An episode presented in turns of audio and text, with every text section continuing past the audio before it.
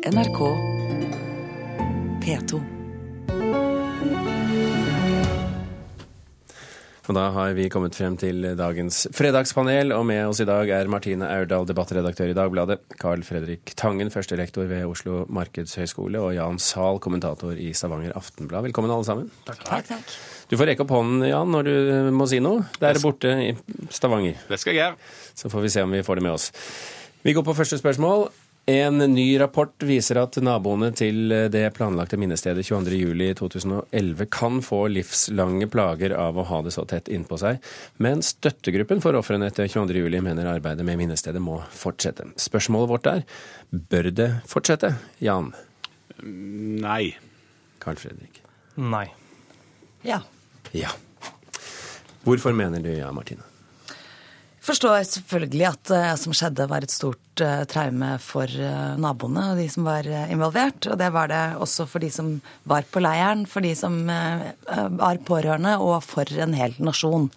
Og Derfor er det viktig å markere det med et fint minnested som kan stå der både for de som vil minnes det i dag, og for ettertiden. Og traume er vel først og fremst det som skjedde, og Utøya. Og man skal jo være vanskelig med å dømme over andres følelser, men jeg syns det er vanskelig å forstå, rett og slett, at de som ser på Utøya eh, hver dag, eh, syns at det er minnesmerket som er problemet. Jan? Ja, dette er jo en debatt som det er umulig å vinne, eller altså omtrent gjennomføre for alle som står utenfor. Du blir jo satt i en slags emosjonell sjakkmatt. Enten du skal prøve å argumentere mot de som mista noen på Utøya, eller du skal prøve å argumentere mot folk som føler seg traumatisert av å måtte leve i dette minnesmerket. Um, så jeg har tvilt meg fram til et nei, rett og slett fordi jeg mener at det er viktigere å prioritere de, de som lever videre, og de som skal leve i dette området, enn de som gikk bort den dagen. Carl Fredrik? Det er ikke rapporten som har Vi diskuterte det her for et halvt års tid eller noe sånt. og jeg synes at den, Det var så voldsomt, det uttrykket. Diskuterte jo noen av de andre løsningene der um, også. Jeg er enig med salen, Altså at det, noen skal leve i, i, det.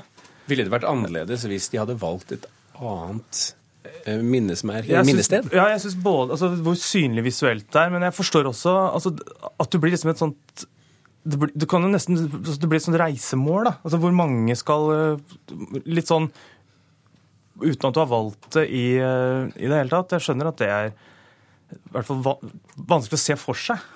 For Martine, Det er jo også et poeng at de som bor der, kan jo, de har det jo hele tiden, mens de andre kan velge når de vil ha inntrykket på seg.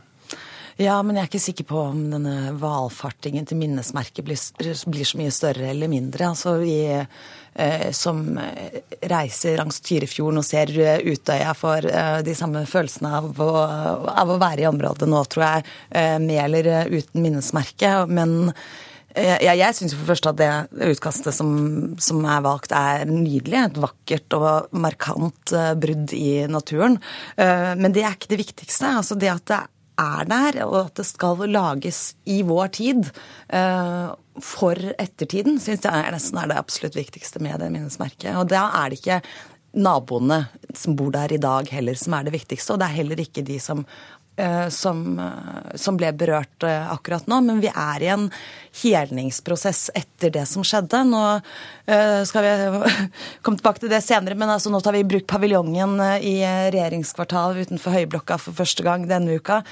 Vi tar AUF tar Utøya i bruk igjen for første gang til sommeren. Vi må ta dette gradvis, og det må vi venne oss til, alle som syns det er vondt og vanskelig også, som en del av helningsprosessen. Men når det er den prosessen prosessen er det ikke sikkert at det å bygge minnesmerker er det første du bør gjøre. Jeg er også litt sånn usikker på tempo som det skal drives fram på. Vil det være annerledes for deg hvis man utsatte det i la oss si ti år, da, for å ta et tenkt tall? Jeg syns det ville vært helt ålreit å bruke lang tid på å diskutere, i stedet for at du bråbestemte hvordan det skulle gjøres, og så måtte liksom folk protestere mot løsningen. Altså, så kunne du brukt mye lengre tid på å diskutere det.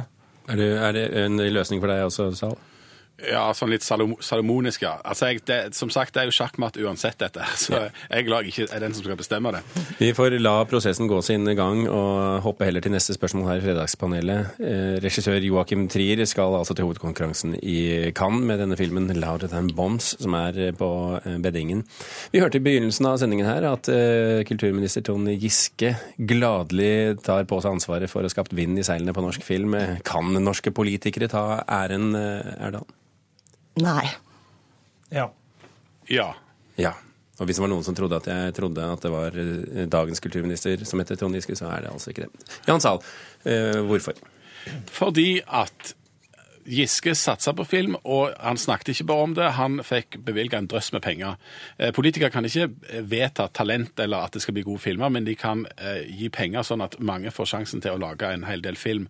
Og det førte den filmsatsinga til. Noen av de filmene har blitt gode, andre har ikke blitt gode, men Talent som trier har fått en sjanse, og det skal politikerne ha litt av æren for. Ære eller skyld? Jeg vet ikke, altså For tilstanden i norsk eh, film, det må jo politikerne ha. Altså, Det er jo så mye Det er lettere å ta æren enn å ta skylda. ja, altså, Det er jo så mye offentlige midler og så, så, så, mange, så mye offentlig som må tilrettelegges eh, for det.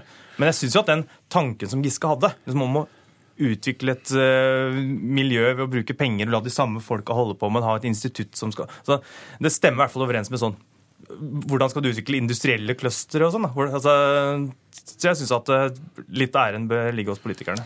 Det er selvfølgelig helt riktig at det er avgjørende å legge til rette for at folk skal kunne få lage film og få utvikle seg. Samtidig så er det jo Joakim Trier, og bare Joakim Trier, som virkelig har æren og eh, kan stå rakrygga i dag. Og eh, Min kollega i Dagbladet Inger Merete Hobbelstad skriver jo i dag også om hvordan det norske filmbyråkratiet var nær ved å torpedere dette prosjektet eh, ved at han nå slet med å få finansiering. Og det er klart at dette eh, er en såpass sjelden begivenhet at den må tilegnes eh, stort personlig talent mer enn et eh, norsk eh, byråkrati. Og det hører jo med til historien Jan Sala, at den debutfilmen 'Reprise', som ble vel eh, stor åtgaum og fikk veldig gode kritikker, den kom jo i 2006, lenge før Filmløftet.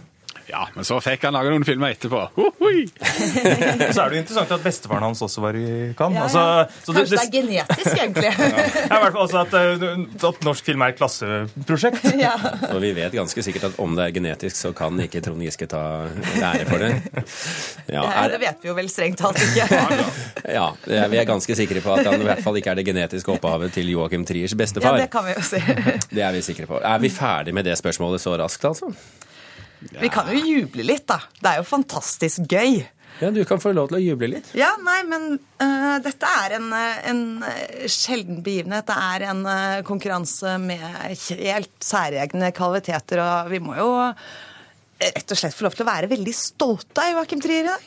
Og så er, det, jo- så er det en veldig interessant oppsang til at det skal komme en ny filmmelding og en ny filmpolitikk. Ikke sant? Det er vel grunn til å juble, men samtidig så vil juble jo når folk blir nominert i Norge. Det har jo litt å gjøre med tingenes tilstand, det også. Kunne jo vente med jubel til han vinner Gullpalmen, eller hva det heter for noe. Det, det er 36 år siden forrige gang vi hadde en film i den konkurransen. Vi kan godt juble for nominasjoner. Vi kan juble hele, hele tiden. Vi runder riktignok av det tema, tematikken, fordi at vi har noe mer vi skal diskutere her, nemlig disse tre spisse skyskraperne som vi har snakket om denne uken, på nesten 90 meter, eller kanskje det store bygget som går i sirkel rundt Høyblokka. Dette er altså blant de forslagene som vi fikk se denne uken eh, til et nytt regjeringskvartal, og nå som vi kan se det, så må vi også stille spørsmålet, og vi kan begynne i Stavanger. Er det en god idé å samle hele regjeringen, eh, unntatt ett departement, på ett sted? Nei. Ja. Ja. Ja. Vi begynner i Stavanger for å få det friske og ubesudlede perspektivet derfra. Ja, for det er jo litt søtt at vi fire millioner som ikke bor i det området, alltid må delta i alle sånne debatter om når det skal bygges et stort hus i Oslo, enten en opera eller et bibliotek. Det er jo eller, også eller- din regjering, da, Jan. Og, nå, og det var veldig flott at du sa det, for det var en fin overgang til det som er poenget mitt. Altså, Dette er jo eh, min regjering og min statsadministrasjon. Hvorfor i all verden skal den ligge akkurat der som det ikke er plass til den? Jeg foreslår bygg Landbruksdepartementet på Bryne, Olje- og energidepartement i Stavanger, legg Forsvarsdepartementet til ja, Bardufoss, fiskeri til Tromsø. Altså Spre det litt rundt om i landet. Det er jo landet dette her skal serve. Du skulle sett ansiktene til de som sitter i studio nå. Martine Herdal. Ja, jeg ser bare for meg miljøregnskapet på flyturene til hvert, hver regjeringskonferanse og hvert møte i departementene. Men du, vi har er- fått innlagt ISDN-linje her borte nå. Og fiber og alt. Ja. Jo, men det er veldig gode grunner til at eh, regjeringen eh, har eh, ønske om å være samlet og på, på ett sted. Det er sikrere, det er mer effektivt, og samtidig så er det jo det å samle regjeringskvartalet faktisk vært eh, hele områdets eh, store funksjon i svært mange år før 22.07. Og når man nå i tillegg vil flytte UD dit, så ja, det blir en stor bygningsmasse, men utstillingen som jeg anbefaler alle å gå og se i regjeringskvartalet nå viser Selv om de kommer fra Stavanger? Selv om de kommer fra Stavanger, viser jo nettopp at dette kan løses på forskjellige, svært forskjellige, men gode måter. Så er det litt artig når arkitektene skal bygge, og det er liksom så konkret det de skal gjøre. Så lag, et, eh, så lag plass til hele Norges regjering midt i sentrum uh, der. Det er liksom sånn innafor boksen-tenkning som jeg tror kan gjøre at det blir interessante, interessante bygg også. Det er jo ikke sikkert at hele regjeringa ligger der om 40 eller 80 år allikevel. Men, jeg tror allikevel, altså, men en sånn type oppgave det tror jeg kan gjøre at vi får et bygg som er ålreit å beholde. Ja. Så er det viktig å huske på at det er jo ikke Nå er det jo selvfølgelig iøynefallende arkitekttegninger som gjør at vi faller for det ene eller det andre bygget, men det er jo ikke hvordan byggene skal se ut som blir bestemt nå. Man legger grunnlaget for en reguleringsplan som er 20 pluss 30 år, altså skal tenke 50 år fram i tid. Eh, og de viktige diskusjonene nå er jo hvordan skal eh, flyten av mennesker og veier gå gjennom dette området? Hvordan kan det faktisk åpnes opp for å bli et område også for byens befolkning og de som kommer på besøk fra Stavanger? Jan Zahl, la oss nå eh, ta høyde for at ditt forslag forslag ikke blir eh, flertall for. Ja, ikke si det, du. Det kan hende. Eh, eh, hva tenker du som ser dette litt utenifra, om, om eh, denne hva skal vi si, debatten som pågår i Oslo om regjeringskvartalet?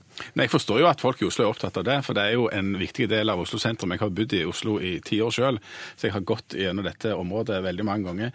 Så jeg forstår jo at det er et stort poeng og en stor diskusjon. Eh, og det er jo en virkelig stor diskusjon om det er plass til 140 000 kvadrat på et så lite område. og om, 200. Eller 200, ja. Og 5700 folk, eller hva det skulle være for noe, eh, på en så liten eh, plass. Og og hvordan du kan gjøre dette på en måte som ikke bare signaliserer makt og regjering og alt dette greiene her, men i tillegg signaliserer åpenhet og kontakt med folk, eh, som det faktisk er grunnen til at statsadministrasjonen eksisterer, og at disse byggene skal finnes.